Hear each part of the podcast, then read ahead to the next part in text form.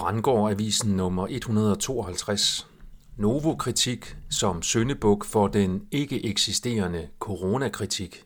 Mit navn er Per Brandgård, det er den 26. maj 2023. Det er påfaldende, at hovedstrømspressen nu kritiserer Novo for at have tilbudt løn til en lægeformand for mødedeltagelse, mens den samme presse fuldstændigt har ignoreret den coronarelaterede korruption. Vi har intet hørt om det i den danske hovedstrømspresse, men 3. maj i år var flere internationale eksperter samlet i EU-parlamentet for at dele information om corona. Steigan har bragt et sammendrag med udgangspunkt i David Martins oplæg i parlamentet. Det var også 3. maj kl. 9-11, at der var coronahøring på Christiansborg.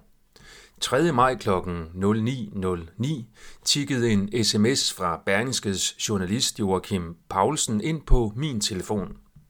Den handlede ikke om corona, men om onkel Reje, hvorved den store distraktionsmanøvre blev startet.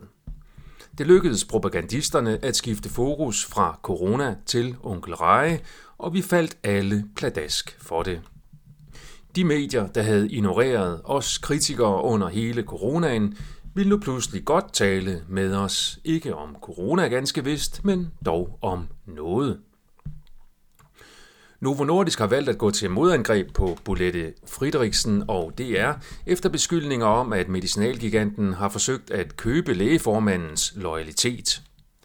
Novos taktik er at henvise til deres kontrakt, hvor der ikke står, at de køber Friedrichsens loyalitet. Sagen er bare den, at loyalitet ikke købes via kontrakter, hvor der står, at det er loyaliteten, der bliver købt og solgt. Det ville jo være for dumt af både køberen og sælgeren, hvis det stod direkte. Loyalitet i relation til medicinalvirksomheder og andre store organisationer er i realiteten meget lettere at købe end via formelt forpligtende juridiske kontrakter. Et klap på skulderen, et sødt smil og måske en middag på en fin restaurant kan være nok, især når målgruppen er godtroende danskere. Novos taktik er også at påstå, at det var helt tilfældigt, at tilbuddet til Bolette Friedrichsen om at deltage i et møde for 1800 kroner i timen kom netop dagen efter, at hun var blevet kontaktet af DR om Novos slankemedicin. Man skal dog være ualmindeligt dum for at tro på den tilfældighedsteori. Det er blandt andet Berlingske, der skriver om kritikken af Novo, det vil sige samme medie, der valgte at skrive om kritik af onkel Reje, i stedet for den mere aktuelle og samfundsvigtige kritik af corona. Det står selvfølgelig Berlingske frit at prioritere deres redaktionelle indhold, men det er altså påfaldende, at de slet ikke har kritiseret hverken Pfizer, Moderna, BioNTech, WHO eller Bill and Melinda Gates Foundation i relation til corona, ligesom de heller ikke har kritiseret de mange danske eksperter og institutioner, der har modtaget gigantiske beløb fra virksomheder eller fonde med kommercielle interesser i coronavacciner.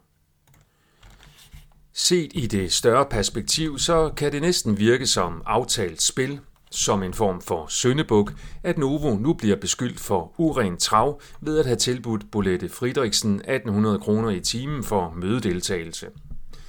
Så kan vi kritikere få dækket behovet for at være forarvet, vi kan genfinde tilliden til den kritiske presse og de ubestikkelige eksperter, mens Novo faktisk har en forholdsvis god sag, som de let kan forsvare, og som under alle omstændigheder er det rene vand set i forhold til den reelle korruption og bestikkelse. Det er i hvert fald min vurdering af den sag.